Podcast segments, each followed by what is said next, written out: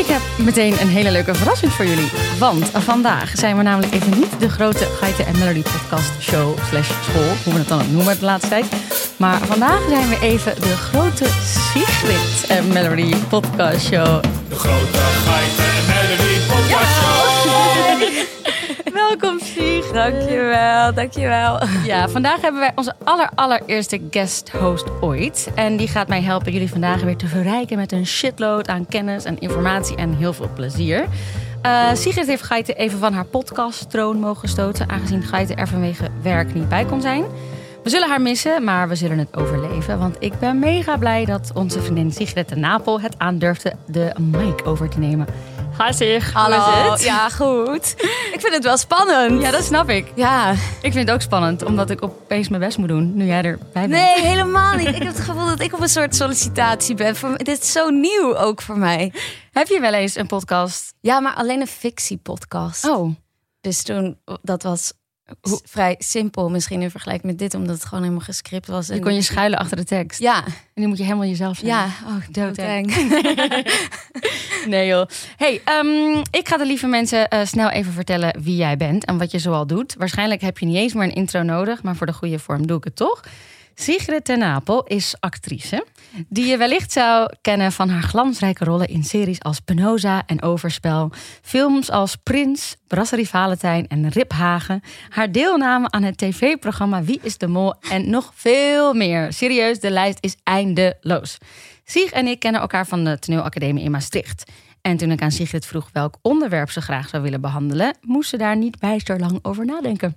Zoals sommigen van jullie misschien al weten, zet Sigrid zich de laatste tijd veel in voor het milieu- en klimaatactivisme en gebruikt haar sociale kanalen veel om mensen bewustzijn bij te brengen. Het was dan ook logisch dat wij dit onderwerp zouden, dit onderwerp zouden pakken om over uit te wijden. Maar Sieg, eerst, vertel eens over jouw afgelopen jaar. Oh. Wat heb je allemaal gedaan in deze bizarre coronatijden? Ik heb vooral veel gehobbied eigenlijk. Ik ben, er was ineens zo tijd voor dingen die ik voorheen altijd op de lange baan schoof, omdat ze geen prioriteit hadden en waar ik dan wel stiekem mijn hunkering naar had, maar dacht nee. Dat is eh, dinges ontwijkend gedrag. Daar is nu ja. geen tijd voor. Dus ik ben, gaan, ik ben een keramiekcursus gaan volgen. En eh, ben een beetje gaan schilderen. Ik ben begonnen met zelf te schrijven. Ehm, ja, ik moet zeggen, ik ben ook nog toch stiekem wel met een campertje een beetje op pad geweest. Ja, dus ik heb nou, ja. ook nog wel toch wat zomervakantie gepakt. En eh, ja, verder, de eerste lockdown was ik heel, ehm, heel erg in een isolement. En was ik nog vrij angstig en dacht ik dat ik van alles en iedereen corona kon krijgen. Dus toen zag ik eigenlijk niemand.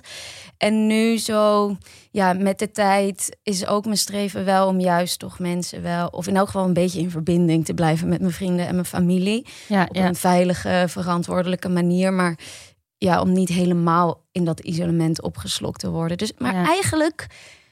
Natuurlijk zou heel graag weer werken. Want dat is allemaal, eh, heeft allemaal niet door kunnen gaan.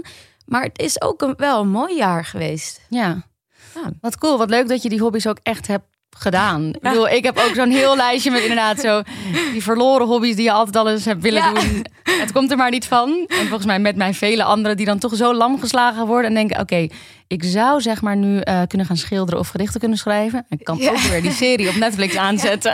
Ja, maar het heeft me. Ik, ik was me wel bewust van dat ik toch een zekere structuur nodig had om door de dagen te komen. Dus eh, dan die structuur maar eh, bewerkstelligen met dan hetgeen wat me leuk leek om te doen. Ja, was trouwens één ding vergeten. Ik heb ook een elektrische piano aangeschaft. En ik heb denk ik precies drie weken mezelf eh, één liedje eh, aangeleerd om op mijn vaders verjaardag te spelen. En daarna heb ik hem ook niet meer aangeraakt. Dus die staat nu ergens te verstoffen.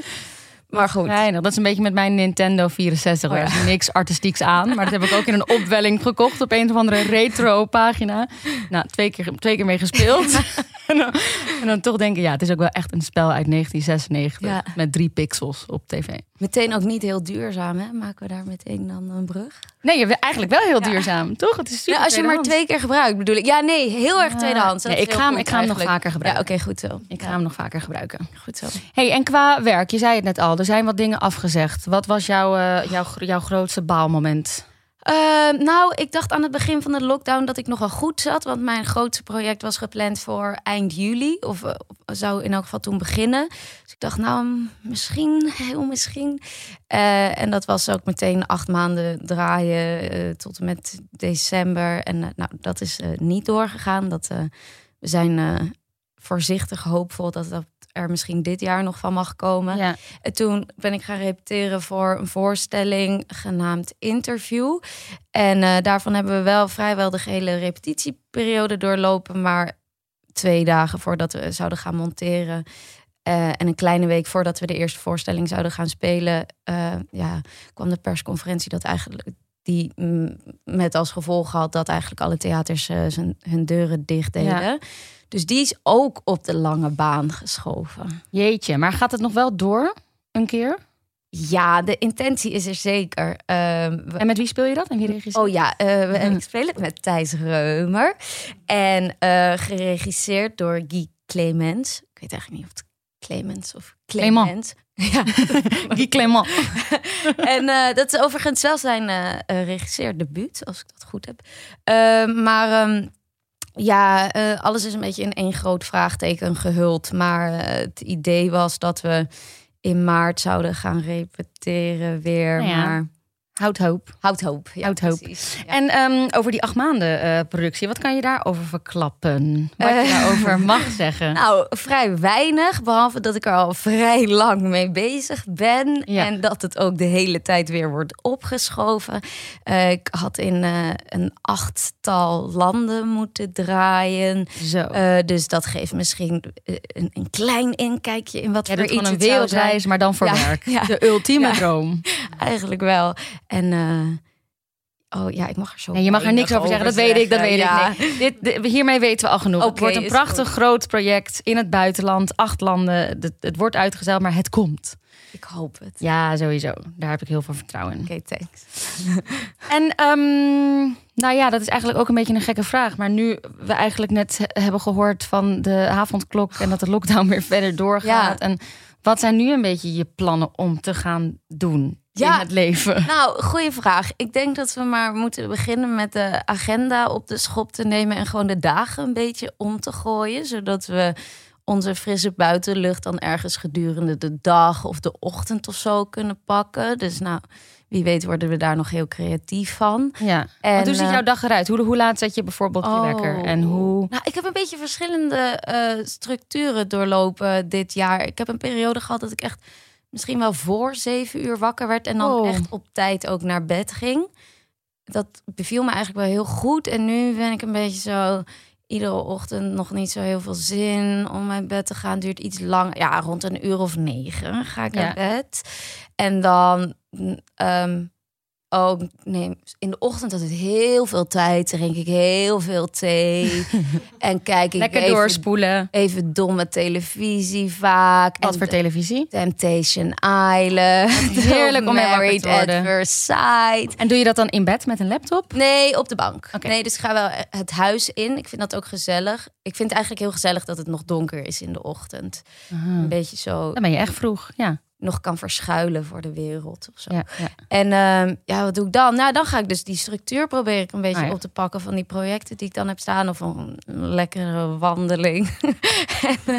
Wat goed. Oh, wat chill. Dus je wordt gewoon wakker met gewoon vermaak. ja, gewoon lekker ja, chillen. En daarna ga je proberen wat structuur toe te brengen. ja, Ah, ja. ja. Dan heb je ook nog een ander leuk ochtendritueel qua ontbijt of qua, weet ik veel, Nou, op je hoofd staan een kwartier. Alles is een beetje, nee, alles is een, be- een beetje veranderd de laatste tijd. Mijn vriend die doet namelijk aan het intermittent fast. Oh ja, ja, heb ik ook een Dus- tijd geprobeerd. Ja, dus die begint om eh 12 uur met eten of zo. Waardoor ik ook, nou, het is niet een bewust nieuw ochtendritueel. Maar het is er een beetje bij ingeslopen dat ik dan dus nu ook pas laat begin met eten. Ehm, nou, dat is dus niet een heel bewust gekozen iets. Heb ik verder nog iets schijnigs? Wat ik daar heel zwaar aan vond, is... Ik drink niet veel koffie. Nu, Oh weet, ja. nu weet ik dat jij, dat jij geen koffie drinkt. Ja. Maar ik heb wel één of twee cappuccino per dag nodig. En met het intermittent fasting mag dat dan ook pas na 12 ja, uur. je mag wel koffie drinken, maar geen cappuccino. Nee, en ik drink mijn koffie niet zwart. Zwart. Ik drink het wel Ja. echt met Ja. havermelk. Ja, dan wordt het lastig. Voor de, voor de mensen die echt geen flauw idee hebben waar we het over Oh ja, hebben. oh ja, leg jij het even uit. Heel erg jargon. beter. Intermittent fasting is dan een soort eetpatroon wat heel gezond voor je schijnt te zijn. Het is niet per se om af te vallen, maar het is heel goed voor nou ja, je focus en je concentratie. Nou ja, voor van alles. Google het maar. En de bedoeling is dan dat je een periode van 14 uur of 16 uur dus Ja. helemaal niks eet, zodat je lichaam dus echt even kan herstellen. Dus van 8 uur s avonds tot 12 uur s middags niks eet. Ja. Maar wat, wat ik daar lastig aan vond, waardoor ik het niet vol hield, is het ontbijt kan ik best uitstellen. Ja. Want ik, ben, ik hoef niet per se mega vroeg te eten. Maar wakker worden met een lekker cappuccinootje, dat kan Ja. ik toch echt niet opgeven. Dat snap ik. Oh, als je dan toch vraagt wat is je ochtendritueel? Kijk, ik, ik, ik, ben het, ik heb natuurlijk niet gekozen om te gaan intermittent vasten. Dus, maar ik laat ik zo zeggen dat ik mijn vaste voedsel een beetje uit ben gaan stellen. En net zoals dat jij je cappuccinootje Ja. hebt, heb ik, maak ik echt iedere ochtend een eh, chocolademelk van rauwe cacao en rijstmelk en cayennepeper. Oh. En daar kan ik niet zonder. Dus die doe ik wel gewoon. eh. Precies. Ah, ja. Ja. Ja. Ja. Wat een, eh, wat een goeie. Kom ik weer slapen? Ja, kom ik, nou ja, we moeten nu wel. Ja, blijf Dan ben- slapen. Ben Inderdaad. om, om acht uur binnen en dan mag ik er pas de volgende ochtend Ja, weer uit. Wel gezellig. Het is heel gezellig. In je tipi, want je hebt een tipi in je woonkamer.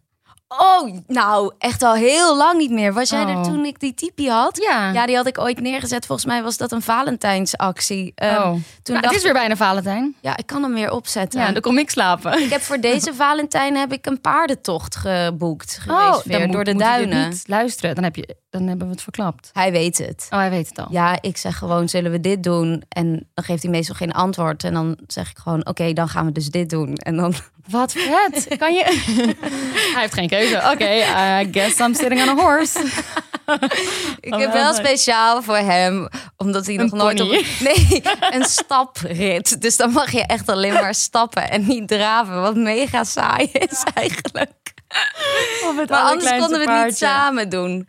Hij gunde het me wel dat ik dan eh, dat ik echt de, de gevorderde rit Maar zou kan jij doen. paardrijden? Ik kan wel eh, paardrijden, ja. Echt waar? Ja. Ben jij een stiekem paardenmeisje at Nou, ik was, ik reed paard, laat ik het zo zeggen. Oh ja. Daarmee is ook wel alles gezegd. Ik was altijd een beetje bang voor die eh, doorgewinterde paardenmeisjes die echt iedere dag in de stallen te vinden waren. Want ik was er hun inziens, denk ik, te weinig Ah, op de manege, waardoor ik eigenlijk het niet op me mocht nemen om ook een paard te borstelen. Ja, ja. Dus ik ging gewoon, ik heb alleen mijn lessen gewoon gevolgd en af en toe een, eh, een competitie of een wedstrijd gereden. Wat goed, Ja. wat leuk. Was dat ook je, je, je hobby of je, hoe noem je dat? Je Ah, side thing als middelbare schoolmeisje? Nou, nee, ik denk dat ik vrij vroeg op de middelbare school eigenlijk ben gestopt met lessen, want toen vond ik het niet meer cool. oh, ja. Eh, toen vond ik het moeilijk te vertellen aan iedereen om mij heen die hockeyde dat ik op paardrijden en ballet en toneel zat.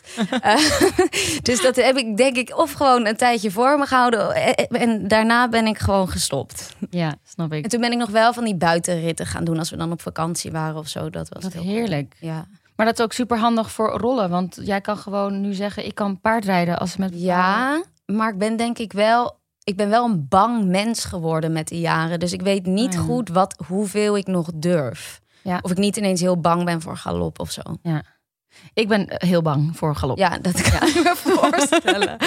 Nee, ik heb één keer gezegd met een rol ook van... Oh ja hoor, nee hoor, dat komt wel goed. Nou, echt niet. Dat, Welke rol was dat? ja, dat was voor een filmacademiefilm. Oh, ja. Dus dat is natuurlijk... Dat zijn al studenten, Ja. student af net. Ja. Dus dat, moet je, dat was echt... Ik was bijna dood in principe. Oh, Je moet, kan het ook zo vergelijken als je op een paard zit zonder dat je weet hoe je moet paardrijden. Dat voelt alsof je op een rijdende motor zit zonder Ja. dat je weet hoe je moet Nee, motorrijden. dat, voel- dat is super eng. En, je En levensgevaarlijk. Ja, en levensgevaarlijk. Echt levensgevaarlijk. Dus dat doe ik nooit meer. Ik ben daar echt getraumateerd dat ik op dat beest zat van... oh my god, het is echt heel hoog. Oh, en het reageert natuurlijk op de camera. En op een gegeven moment kwam er een drone eh, langs vliegen met een camera. En dat paard, dat, dat werd Ja. natuurlijk doodsbang daarvan. En nee, dat is echt eh, net goed gegaan. Nee, en het is ook precies zo'n dier wat, net als katten, die ook zo heel erg reageren op, jou, op jouw angst en Ja. jouw zenuwen en zo. Dus Ja, en dat, dat hoor kan je dan niet ook van echt iedereen. maskeren. Ja, je hoort Ja, je het ook, moet dus je rustig wordt nog blijven. Ja, nou, ga jij er maar zitten. Ja.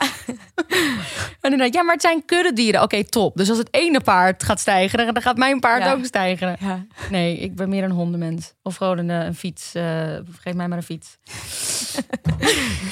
Oké, ik ga een bruggetje slaan naar Ja, het onderwerp. maar. La la la, brug. Klimaat. Ja! Vind je dat niet ook een heel spannend onderwerp? Eh, ja, maar wel heel belangrijk. Ik heb wel het gevoel dat we daarmee echt iets toevoegen aan. Ja, ik wil dus, want jij vroeg mij. Ja, En toen, ehm, ik, ik snapte ook wel dat we dan dit onderwerp moesten doen. Want hier heb- ik het waarschijnlijk het meest over. Of dit vind ik het belangrijkst. En zo. wat heel goed is. Ehm, maar ik was zo bang, en dat had ik ook tegen jou gezegd. Ik Ja. ben zo bang dat mensen af gaan haken als we het daarover gaan hebben. Omdat het ook zo. Nou, het is niet heel makkelijk grappig. En het is ook niet eh, wat mensen al te graag.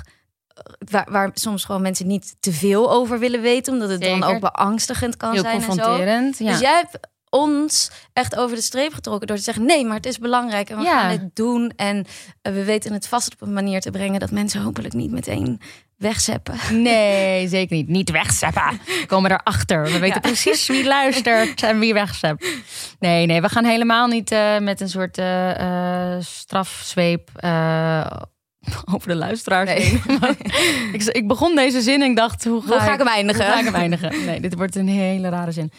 Nee, we gaan het gewoon ehm, op een leuke, informatieve, doch entertainende, doch Ja. eh, niet belerende manier eh, overbrengen aan de mensen. Want wij zijn ook aan het onderzoeken hoe we Ja, moeten leven zonder depressief te worden en tegelijkertijd wel hoop te houden, maar Ja. tegelijkertijd ook dingen te willen Ja. blijven veranderen. En Ja. wij zijn net, net als de mensen die nu luisteren en denken, ja, ik vind het ook doodeng, maar ik weet dat ik wat moet doen, maar ik weet niet hoe. En ja. Precies. Alright, nou, ehm, dan ga ik eh, gewoon eh, van start. Kijk, hoewel de klimaatcrisis uiteraard meer een onderwerp is dat over het heden en bovenal de toekomst gaat, zou ik mijn inner geschiedenisgeek geen recht toe doen als ik jullie ook niet een beetje wat meegeef over de geschiedenis. Ik zal het echt kort houden dit keer en eh, jullie proberen te verrassen met wat opmerkelijke feiten. Dus ga lekker zitten, achterover met een dekentje over je heen, een chocolademelk, warm en geniet van onze verhalen. Nou ja, verhalen. Ja, verhalen. Keiharde feiten. Keiharde feiten. De door de mens veroorzaakte klimaatverandering begon al rond 1830. Ofwel de begin van de industriële revolutie. Mensen zorgen er dus al ruim 180 jaar voor dat de aarde langzaam opwarmt. Ja, dat is nogal een lange tijd. De eerste tekenen van het door de mens veroorzaakte broeikaseffect waren al merkbaar aan het begin van de industriële revolutie. Veel oceanen begonnen rond 1830 op te warmen door de uitstoot van eh, gassen, broeikasgassen. Met name oceaangebieden in de tropen en bij de Noord- en Zuidpool begonnen de zeeën in de 19e eeuw al op te warmen. Al was de toename van broeikasgassen in 1830 nog maar klein in vergelijking met de snelle verandering van nu, toch is het verrassend om te zien dat het klimaat al meteen zo sterk reageerde op ons menselijk handelen. Die ontdekking van dat snel reagerende klimaat biedt overigens ook hoop. Mogelijk zal de opwarming van de aarde namelijk ook snel weer kunnen afzwakken als wij ervoor zorgen dat het broeikaseffect wordt beperkt. Klimaat en maatschappij waren in de geschiedenis meer met elkaar verbonden dan we wellicht denken. Klimaatschommelingen hebben bijgedragen aan eh, historische gebeur- gebeurtenissen en de maatschappij. Maar andersom werkt dat net zo. En het mechanisme is simpel. Een grote bevolking betekent meer ontbossing en veeteelt. Dus een grotere uitstoot van CO2. Dus een warmere aarde.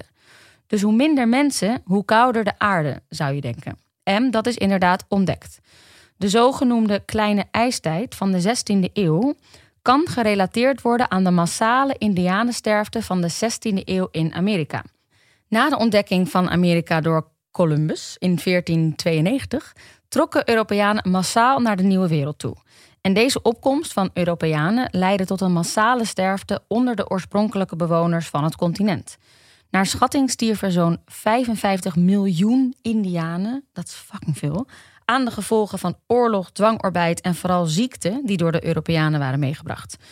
Het gevolg was dat met name in Zuid- en Midden-Amerika zo'n 56 miljoen hectare landbouwgrond, dat is een oppervlakte ongeveer gelijk aan Frankrijk, die grond, die landbouwgrond, die veranderde in woeste grond. Uh, en daardoor werd er minder CO2 uitgestoot, omdat er dus minder werd gewerkt door de mensen. En door die nieuwe wildernis werd er weer meer CO2 opgenomen. Omdat er meer, meer, meer planten zijn en meer bomen die dus CO2 opnemen. Waardoor de aarde een flink aantal graden daalde. Dat is een voorbeeld hoe eh, klimaatverandering en mens en maatschappij heel erg in elkaar verwoven waren en zijn. Maar ja, goed, zoals ik al zei, de geschiedenis is bij dit onderwerp dit keer echt even heel erg ondergeschikt aan het heden en de toekomst. Ehm, want hoe zit het met de huidige situatie en de toekomst, Sigrid? Goeie vraag, goeie vraag. Goeie vraag. Nou, oké. En als je Ehm, trouwens bang was dat mensen eh, zouden afhaken, dan zijn ze dat nu bij het geschiedenisverhaal gedaan. Nee, ik, ik, ik hoor dingen waar, die ik, ik vind dat je hele vindingrijke of eh, ehm, ja, nee, niet hele gangbare en daardoor eh, verrassende verhalen hebt weten te vinden. Ik vond dat met die Indianen vond ik Ja. raar om, om Ja. te horen. Ja. ja, Maar ook logisch, je vaagt gewoon in principe een hele beschaving weg. Dan is het niet gek dat de aarde denkt, oh oké, hier gebeurt het minder. ja. Nou, dan gaan we maar afkoelen. Nee, maar ik denk dus dat ze nog niet zijn afgehaakt, maar dat ze misschien, want ik ben bang dat ik iets meer cijfers en dergelijke Top, ook kom heb. maar, go- gooi Eh, op gooi op. Nee, de feiten. Oké. Numbers. Oké, nou ja, goed. De vraag luidt dus: wat is eigenlijk op dit moment de status van het klimaatprobleem? Ja. En om deze vraag vanuit wetenschappelijk perspectief te beantwoorden, is er door de Verenigde Naties een groep wetenschappers samengebracht die ongeveer iedere vijf jaar een rapport uitbrengen over de status van het wereldwijde klimaatonderzoek. En bij het optekenen van die rapporten zijn duizenden wetenschappers uit de hele wereld betrokken, ook uit Nederland. En deze groep van wetenschappers wordt het International Panel on Climate Change genoemd, ofwel in het kort IPCC. En eh, de rapporten die deze groep uitbrengt, die worden samengevat en door alle landen die aan het klimaatverdrag meedoen ondertekend. En dit heeft dus als gevolg dat wanneer er wereldwijde politieke onderhandelingen over het klimaatbeleid worden gevoerd, er door de verschillende landen, en al die landen hebben natuurlijk verschillende belangen, niet meer kan worden gediscussieerd over de stand van de wetenschap, maar enkel over de oplossingen. Omdat iedereen dus al van tevoren eh, met het ondertekenen van die samenvatting akkoord is gegaan met hetzelfde uitgangspunt aangaande de ernst van het klimaatprobleem en de mogelijke gevolgen van het klimaatprobleem. Nou, en voordat we verder gaan, heel even in het kort het klimaatverdrag. Want dat, die term horen we volgens mij Inderdaad. heel vaak op het nieuws en zo. Maar wat was het nou Inderdaad. precies? Wat wordt er nou eigenlijk verdragen in dat Precies. verdrag? Ehm, nou, het zit zo. In december 2015, dus al wel e- eventjes geleden, gingen ehm, op de VN-klimaattop in Parijs 195 landen akkoord met een nieuw klimaatverdrag. En dat werd het Klimaatakkoord van Parijs genoemd. En eh, daarin werden heel veel punten opgesteld. eh, maar hier even drie van de belangrijkste punten van dat verdrag. Dat zijn de gemiddelde temperatuur. Dus dit is waar al die 195 landen akkoord mee zijn gegaan. Ah ja, oké. Ja, goed. De vraag is: wordt dat gehandhaafd? Wordt dat na- daadwerkelijk nagestreefd? Maar goed, dit is waar ze mee akkoord zijn gegaan. De gemiddelde temperatuur op aarde moet onder de 2 graden stijging blijven. Ja. En landen moeten er naar streven om de stijging te, te beperken tot anderhalve graad Celsius. Oké, ja. Punt 2. aan de groei van de uitstoot van broeikasgassen als onder meer CO2 moet een eind komen. En de uitstoot van broeikasgassen moet in 2050 weer in balans zijn met de natuurlijke CO2-opslag van de aarde. Daarover later een beetje meer. Eh, en het akkoord is bindend en alle landen zijn verplicht om het na te leven. En het is niet toegestaan om de doelstellingen naar beneden bij te stellen. Nou, dit was, eh, is nog steeds een historisch akkoord, omdat er voor het eerst een bindend verdrag is gesloten, waarbij alle landen afspreken de ui- uitstoot aan te pakken. En ook is het bijzonder dat de grootste vervuilende landen, zoals India en China, het akkoord ook hebben ondertekend. En ook landen die heel veel olie in hun bezit hebben, zoals Saoedi-Arabië, die eh, Saoedi-Arabië, sorry, die doen ook mee. Eh, de Verenigde Staten, die deden onder het bewind van Trump niet meer mee. Oh. Maar de hoop bestaat natuurlijk, en dat is ook giga belangrijk, dat onder leiding van Joe Biden daar weer verandering komt. Weet jij toevallig welke landen er nog meer niet meedoen? Eh, nee, behalve dat er dus 195 landen wel, Wel meedoen. Oké, laten we ons daarop focussen. Maar er Ja. zijn ook niet heel veel meer landen in de wereld, geloof Nee. ik. Dat zijn er echt al best wel behoorlijk wat. Ja. Ehm, nou, dan eh, deze side note even daar gelaten. Ehm, en voor het begrip we- wellicht toch wel handig. Eh, dan gaan we nu weer terug naar wat is dan die huidige status van de klimaatverandering. En heel kort samengevat. Ehm, het gaat snel en het zet door. Ja. Dat is eh, onder meer de conclusie die dat eh, IPCC, dat, eh, dat eh, panel, Ja. trekt. Ehm, en die, die conclusies die zij trekken, die zijn dus gebaseerd op de onderzoeken van duizenden wetenschappers wereldwijd. Maar wat zijn nou precies die bevindingen? Hoe staan we ervoor? Wat we allemaal weten, wellicht misschien ontkennen, maar voor, vanaf nu weten, ja. broeikassen versterken het broeikaseffect. Nou, op dit moment, eh, jij zei het eigenlijk al, veranderen wij de samenstelling van de atmosfeer. Onder andere door de verbranding van fossiele brandstoffen en door ontbossing. En hierdoor komt er extra veel CO2 vrij, maar ook andere eh, gassen waar je minder vaak over hoort, namelijk methaan en lachgas. Zijn ook hele belangrijke broeikasgassen. En niet de ballonnetjes, eh, mensen. Nee, Dat bedoelen we niet met lachgas. dan vraag ik me dus serieus nu af of het niet eigenlijk het. Weet ik niet. Dat de hele wereld gewoon Ja, high wordt. niet, ik weet het niet. Ehm, goed, ehm, ehm, de toename van dus deze gassen, de CO2, methaan, lachgas, eh, die versterken het broeikaseffect. En dit leidt wereldwijd tot een warmer klimaat. Ehm, dan even heel specifiek over de CO2-concentratie. Eh, die concentratie CO2 in de lucht is sinds 1850, eigenlijk ongeveer om en nabij dat moment dat de mens van invloed werd op het klimaat, zoals jij net Ja. zei, is met ongeveer 50% gestegen. Wow. En deze concentratie, dus die er nu momenteel in de lucht zit, is de afgelopen 800.000 jaar nooit eerder voorgekomen. Zo. En de laatste keer dat deze hoeveelheid CO2 wel in de lucht voorkwam, is 3 tot 5 miljoen jaar geleden. Toen de zeespiegel zo'n, dit is echt, dit vind ik dus doodeng, Ja, ja. 10 tot 20 meter hoger lag dan dat hij nu ligt. Nou, dan hebben wij in principe geen land meer. Knoop dit even in je oren. Oh my god. Eh, dan nu het volgende onderwerpje. Hoe staat het met de temperatuur momenteel? Eh, de wereldwijde temperatuur steeg eh, tussen 1880 en 2018 met 1 graad Celsius. En de drie warmste zomers vielen in eh, 2016, 2017, 2018. Ehm, het zou heel goed kunnen dat dit enigszins verouderde materie is, want volgens mij hebben we afgelopen jaar ook een hele warme zomer gehad. Eh, maar wat jij al zei, onderzoeken die bewijzen dat de klimaatverandering van de afgelopen 60 jaar grotendeels het gevolg is eh, door de mens veroorzaakte uitstoot van broeikasgassen.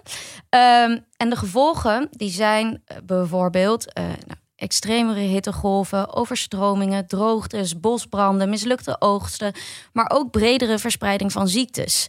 En ehm, die opwarming van de aarde die zet momenteel gewoon door. En het eh, IPCC verwacht dat we rond 2040 al een temperatuurstijging van anderhalve graad bereiken. En dat lijkt niet zo heel erg veel, maar gemiddeld is dat wel heel veel. En om even aan te geven hoe groot verschil zo'n paar graden meer of minder al op kan leveren. Jij had het net over die kleine ijstijd. Toen was het maar 1 tot 2 graden kouder gemiddeld op aarde dan het nu is. Terwijl de leefomstandigheden totaal niet met nu te vergelijken zijn. Ja. Dus die stijging en ook daling anderzijds hebben enorme gevolgen. Ja.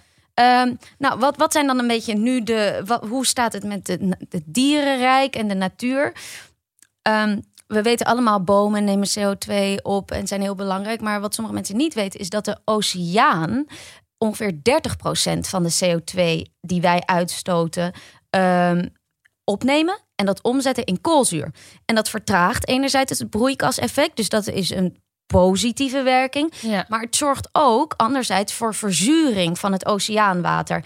En dat heeft hele grote gevolgen voor de sch- schaaldieren en koraalriffen. En ehm, als je ervan uitgaat dat er 25% van alle dieren die er op aarde leven in de oceaan leven, heeft dat gigantische consequenties voor de biodiversiteit. En eh, sommige wetenschappers die denken zelfs dat in 2015, eh, sorry, 2050 het koraal volledig verdwenen kan zijn. En dit komt onder meer door ook overbevissing en het vervuilen van het oceaanwater. Maar de voornaamste reden is toch het opwarmen van de aarde.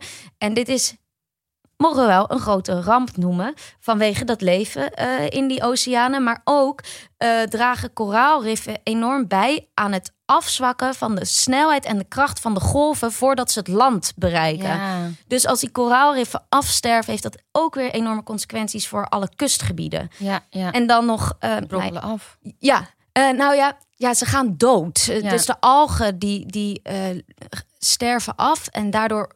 Eh, En dat komt dus door, die, door dat zure water. ja, ja, ja, ja. En dat is hetzelfde als zure regen eigenlijk, wat ook heel ge- gevaarlijk Dat is. is ook niet goed voor de bodem, inderdaad. Nee. Dan verzuurt de bodem. Ja, Ja. ja. dus datzelfde is eigenlijk, vindt eigenlijk plaats in de oceaan momenteel. Nou, dan hebben we nog ehm, waar, waar iedereen denk ik toch wel een beetje van op de hoogte is. En dat is het, eh, dat het zeeijs op de Noordpool eh, verdwijnt. Ja. de, althans, ze zijn bang dat dat in de, tegen die tijd in de zomer definitief verdwijnt. En dat zou dus inclusief de soorten eh, dieren die daarvan afhankelijk zijn. En de ijsbeer verliest daarmee totaal zijn leefgebied. Als een ijsbeer weer in het water meer moet leven, heeft dat weer consequenties voor andere dieren in het water, enzovoort, enzovoort. Nou, even heel erg in het kort. Dit was heel veel informatie, denk ik. Nee, Cijfers. nee, nee, ik ben helemaal mee. Oké, eh, nou, even samengevat. Als we dus zo onverminderd doorgaan met het verbruiken van energie, zoals we dat nu doen, het uitstoten van broeikasgassen, zoals nu het geval is, dan zal de aarde opwarmen. Met als gevolg extreem weer. eh, overstromingen, orkanen eh, e- of juist extreme droogte, waardoor oogsten mislukken. En dan krijg Dit is je... allemaal wat er gaat gebeuren when shit hits the fan. Nou, er komt nog meer shit hits Oké, de fan ja. hierna. Dus dit is... Want ik ga heel veel advocaat Ja. van de duivel Ja. spreken. Wat heel veel mensen ook hebben en niet snappen is... oké, hè, maar de, de wereld wordt warmer. Ja. Maar ze hebben het dan ook vaak over een ijstijd. Of dat het dan weer kouder wordt. En dat is dan weer niet de bedoeling. En hoe, hoe zit dat? Hele goede vraag. Oh, nou, Als ik het toch zou weten. Ja, of, of, Ehm, of ik lul, maar ik dacht dat ik eens een keer dat het zo zat, omdat door de eh, eh, opwarming van de aarde smelt, smelten de ijskappen, Ja. waardoor de zeeën veel kouder worden. Ah, Dat ijskoude water verdampt weer. En zo is er dus een kans dat er weer zo'n kleine ijstijd zou kunnen komen, zoals in de 16e eeuw. Da- dan heb ik daar denk ik toch wel iets over te zeggen. Ik dacht van niet. Ehm, dat zou het geval zijn als we waarschijnlijk tegelijkertijd niet onverminderd doorgaan met het opwarmen van de aarde. Want wat ook juist kan gebeuren is meer smeltwater. Dus sowieso meer eh, watervolume. Ja. Eh, maar gelijktijdig opwarming van de aarde en dus ook van het oceaanwater. En oceaanwater zet dan uit. Wat weer Ja. consequenties heeft voor land Ja. waar wij op leven en Ja. wonen. Dus ehm, ja, en in, in, er zijn gewoon heel veel kantelpunten waarover gesproken wordt. En ehm, meer, wellicht hoe meer water er smelt, hoe meer water er vervolgens ook weer in de lucht komt, waardoor dat ook weer op een keer naar beneden moet Ja. in de vorm van regen en sneeuw. En dus inderdaad, extreme weersomstandigheden Ja. zijn van dit alles sowieso een consequentie. ja. En je mag ons ook gewoon doodsbang maken door. nou, echt- er, ik, er komt doodsbang. Doodsbang komt. Ehm, we hebben Iedereen dus moet nu- huilend deze podcast verlaten. Oh nee.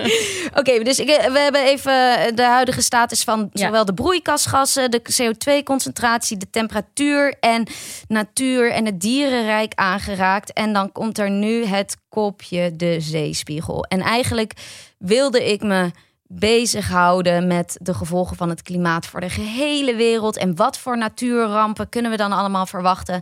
Maar toen stuitte ik dus op een artikel over de stijgende zeespiegel en daar was ik zo van ontsteld geraakt dat ik niet anders meer kon dan dat geen Nou, het is voor de Nederlander ook een vrij belangrijk onderwerp. Precies. Je kan eh, wel raden dat dat een hele grote invloed heeft op ons kleine landje. Want dat ligt voor grofweg een derde onderzeeniveau. Oh my god, allemaal naar Limburg. Ja, en het laagste punt ligt zelfs, dus dat wist ik helemaal niet, 6 meter en 67 centimeter Bizar. onder Mensen de ons zeespiegel. voor gek ook. Ja, ja. Maar, maar weet je ook waar het punt is? Eh, ja de, de, de Zuiderpolderplas of zo. Zuiderpolderplasweg. ja, we gaan er allemaal naartoe. Oké. Nou, nu het nog kan. Ja, nu het nog kan. Eh, de zeespiegel dus. Wat eh, gebeurt daar eh, momenteel? Of een klein, klein, klein stukje terug in de tijd tot nu. De zeespiegel die, zee, eh, die, die zeeg, die steeg tussen 1901 en 2010 met 19 centimeter. Jesus. En de kom Oh, het valt nog mee, Mel. Echt? Wacht maar. Eh, de komende eeuw verwacht het eh, IPCC een verdere stijging van 26 tot 82 centimeter. Dat is al veel in vergelijking met die 19 centimeter. Maar er is in de wetenschap groeiende ongerustheid dat al bij een temperatuurstijging van anderhalve graad, en let wel, die anderhalve graad is de doelstelling van Parijs, van dat klimaatverdrag. Dus dan moet iedereen echt, alle landen moeten alle zeilen bijzetten. Dat er zelfs al dus bij de opwarming van anderhalve graad de kans bestaat dat Groenland en delen van Antarctica definitief smelten. Waardoor een extreme zeespiegelstijging van 2,5 tot 3 meter in deze eeuw, die, daar, die, na, die daarna nog doorgaat in de eeuwen hierna, niet kan worden uitgesloten. En dat heeft enorme gevolgen voor Nederland. Zoals we zeiden. Oh, nu zeg, oh, sorry. Nu zegt mijn aantekening dat we voor een kwart onder zeeniveau liggen. nou, uh, daar zijn de meningen dus blijkbaar over verdeeld. Um, een derde, een kwart, uh, voor een groot deel in elk Ja, geval. ja. Oké, die stijging van drie meter in de komende eeuw, of eigenlijk eh, in deze eeuw, is het meest ongunstige scenario. En dat hoeft dus niet ook het meest waarschijnlijke scenario te zijn. Maar we moeten ons zeker niet verkijken. Een stijging van 1 meter betreft al enorm veel water. En nog belangrijker, die stijging die houdt natuurlijk niet op na eh 2100. Hoe zeg je dat? De, als we de volgende eeuw bereiken. Ja. 2100, het jaar 2100. Integendeel, de mens zet namelijk op dit moment een zeespiegelstijging in gang die het uiterlijk van onze planeet voor millennia zal beïnvloeden. En het is vrij zeker dat de ijskappen op Groenland en West-Antarctica op die lange termijn al niet meer te redden zijn. Net als vrijwel alle gebergte gletsjers. En wat we net zeiden, tel daar dus die expansie van opwarmend oceaanwater bij op. En een minimum is een meter of tien aan uiteindelijke zeespiegelstijging. En daarbij moeten we dan echt alles, alles, alles op alles zetten... om zoals in Parijs de afgesproken ruim onder de 2 graden te blijven. En liever willen we nog dat dat anderhalve graad Ja, blijft. ja.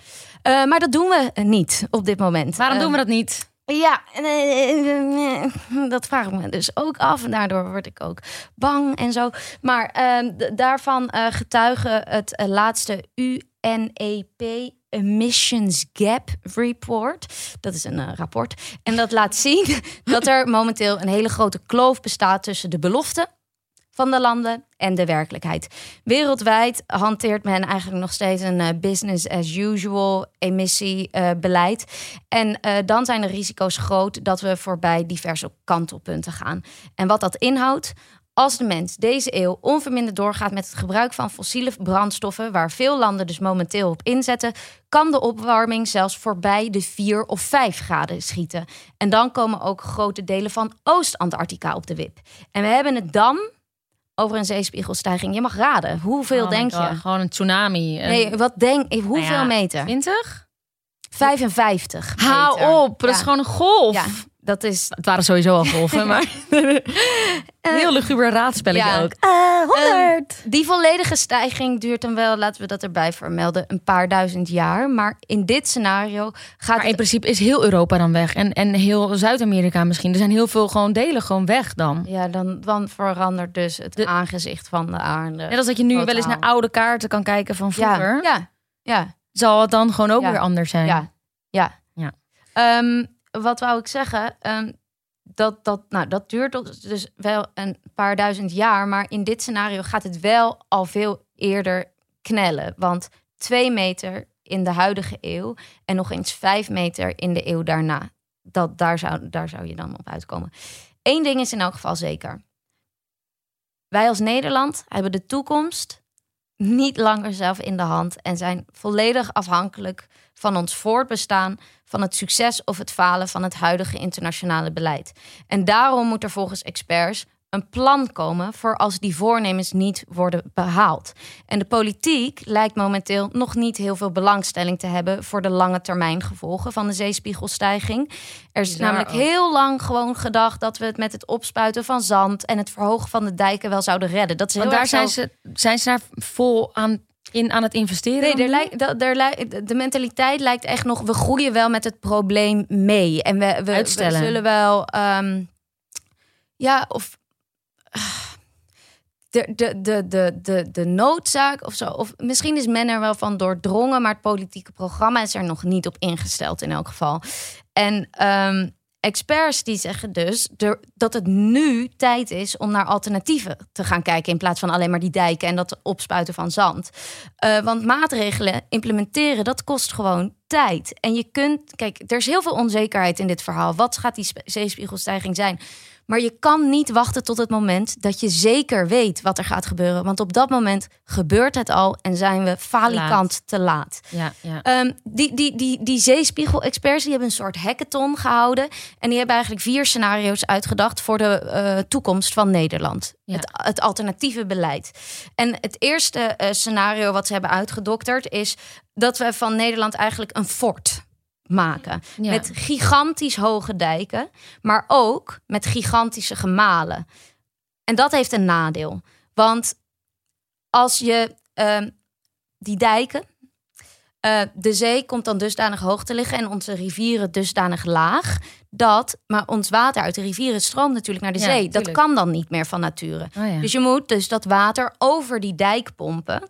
En met dat, met dat systeem haal je ook via de bodem zeewater je land binnen. En nu is dat water niet zozeer het probleem. Dat krijg je weg.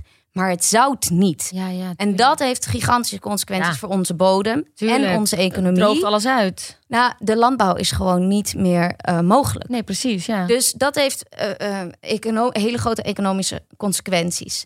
En daardoor is er dus ook maar optie 2 geopperd. Dat als je toch eh, zegt van nou, die landbouw is waarschijnlijk niet houdbaar zoals we die nu voeren.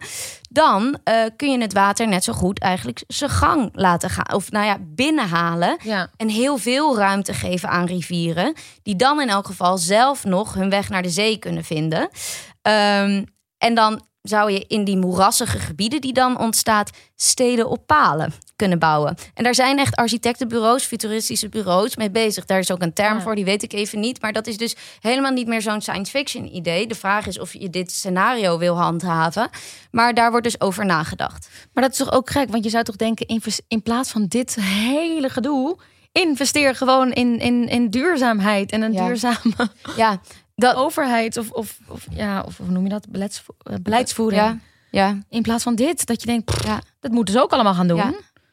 Ja, en, en toch vinden ze dat dan dus haal- meer haalbaar dan dat ze denken... hé hey joh, laten we gewoon... Ja, het blijft volgens mij. Het- sowieso zijn mensen. De, maar dan maak ik er iets filosofisch van. Ik heb, ik heb het daadwerkelijke antwoord natuurlijk ook niet. Maar we zijn natuurlijk ook best wel gewoon gewoontedieren. Ja. Volgens mij merken we al op hele kleine schaal, op individueel niveau, dat we heel erg gehecht zijn aan de manier waarop we al die tijd hebben geleefd. We vinden het heel moeilijk om aanpassingen te doen in hetgeen wat we gewend zijn en waar we ons comfortabel bij voeren, eh, voelen.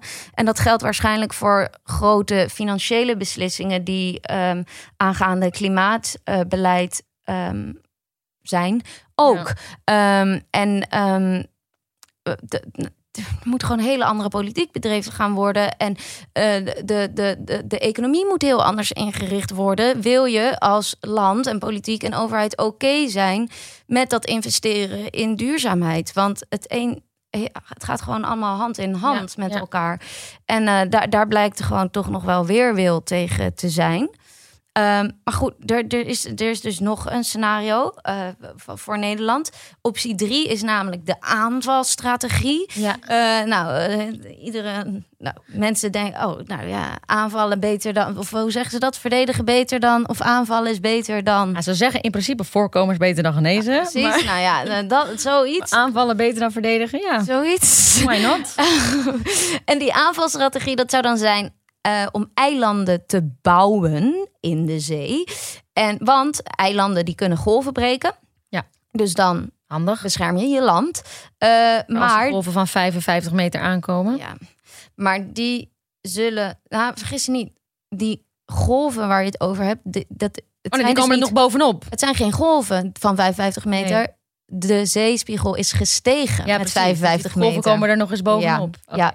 Ehm, het enige van die eilanden zou eh, zijn dat die, net zoals die dijken, ook weer hoger gebouwd moeten worden dan het achtergelegen land. Ja. En om die bescherming te kunnen bieden, moeten ze ook verbonden zijn aan het land. En dan krijg je weer het scenario dat je uiteindelijk ehm, dat zoute zeewater via die gemalen, die dan ook weer nodig zijn, weer je bodem in krijgt. ja. Nou, dan is er de vierde optie. En dit is dus hetgeen waar iedereen zijn kop voor in het zand steekt. En dat is eh, dat we gaan verkassen. Dat we onze kustlijn, zoals die nu loopt, opgeven en naar hoger gelegen gebieden verplaatsen. Dat zou kunnen betekenen dat Midden-Nederland en Drenthe dan de nieuwe kust worden. Maar dan wordt het beetje Nederland wat er nog over is heel krap. En het zou gewoon betekenen dat mensen naar Duitsland moeten uitwijken en dergelijke. Ja, dus- dus echt alsof ik naar, naar een enge film Ja. kijk slash luister. Ehm, dit is zware kost. Dit is even Nou ja, heel is- eh, eng en pessimistisch. Maar het is dus blijkbaar wel iets waar rekening gehouden mee moet worden. En is en over hoe lang praat... Hoe... Ja, Ja. daar zat ik ook net over te denken. Want ik dacht, het is natuurlijk een heel groot verhaal met een hele grote impact. En ehm, je kan nog steeds, zelfs dit wetende, best denken... maar over zoveel jaar ben ik er toch niet meer. En misschien maak Ja. ik het niet mee. Maar er zullen ook mensen zijn die luisteren en kinderen hebben. En die denken daar wel weer heel je anders kan over. aan kinderen denken, je kan. Aan je kleinkinderen. het is ook echt niet ehm, zo dat wij natuurlijk niks meer van die consequenties mee gaan maken. Zoals we zeiden, kleine stijging van temperatuur heeft al gigantische uitwerking op het leven en het bestaan zoals we dat nu kennen. En het is ook, ja, het is toch ook een beetje een morele kwestie van in hoeverre wil je. Tu- Ja, tuurlijk, je kan denken, als ik er niet meer ben, heb ik er misschien geen last meer van. Maar Ja, het zo is- werkt het, het- niet. het- is niet if I'm going down, we're all going down. we kunnen gewoon toch niet denken dat wij als mens maar onze gang kunnen gaan en een soort alheersend zijn over de natuur, zeg maar. Want je Nee. kan de kracht van de natuur gewoon niet gast. ontkennen. We zijn te gast. En Ja. net zoals dat je bij iemand op de gas, eh, op de, op de, op de fles, op de op visite gaat. Op visite je neemt met een fles. je neemt een flesje wijn mee Ja. en je zorgt ervoor. En je ruïneert niet het hele huis als je weggaat. Je, je vraagt of je nog even kan helpen met opruimen, zeg maar, Ja. voordat je weggaat. En eh, dat is toch een, be- een beetje de mentaliteit die we moeten krijgen ten Ja. aanzien van eh, onze. Maar ik wou even zeggen, dit was allemaal pessimistisch. We hebben straks misschien ook nog wat eh, positiever nieuws in petto. Zeker, Maar, zeker, zeker. Sieg, hou die gedachte vast. Ehm, we gaan het verder oppakken in een tweede aflevering. We hakken het even doormidden, zodat het iets beter te behappen is voor iedereen. Waarin we verder gaan met een hoopvolle boodschap en wat we allemaal kunnen doen om te helpen. En ik kom met een heel handig lijstje met feiten en fabels en argumenten. Dus, lieve mensen, bedankt voor het luisteren. En ehm, ja, tot over een paar dagen. En dan zijn we er allebei weer.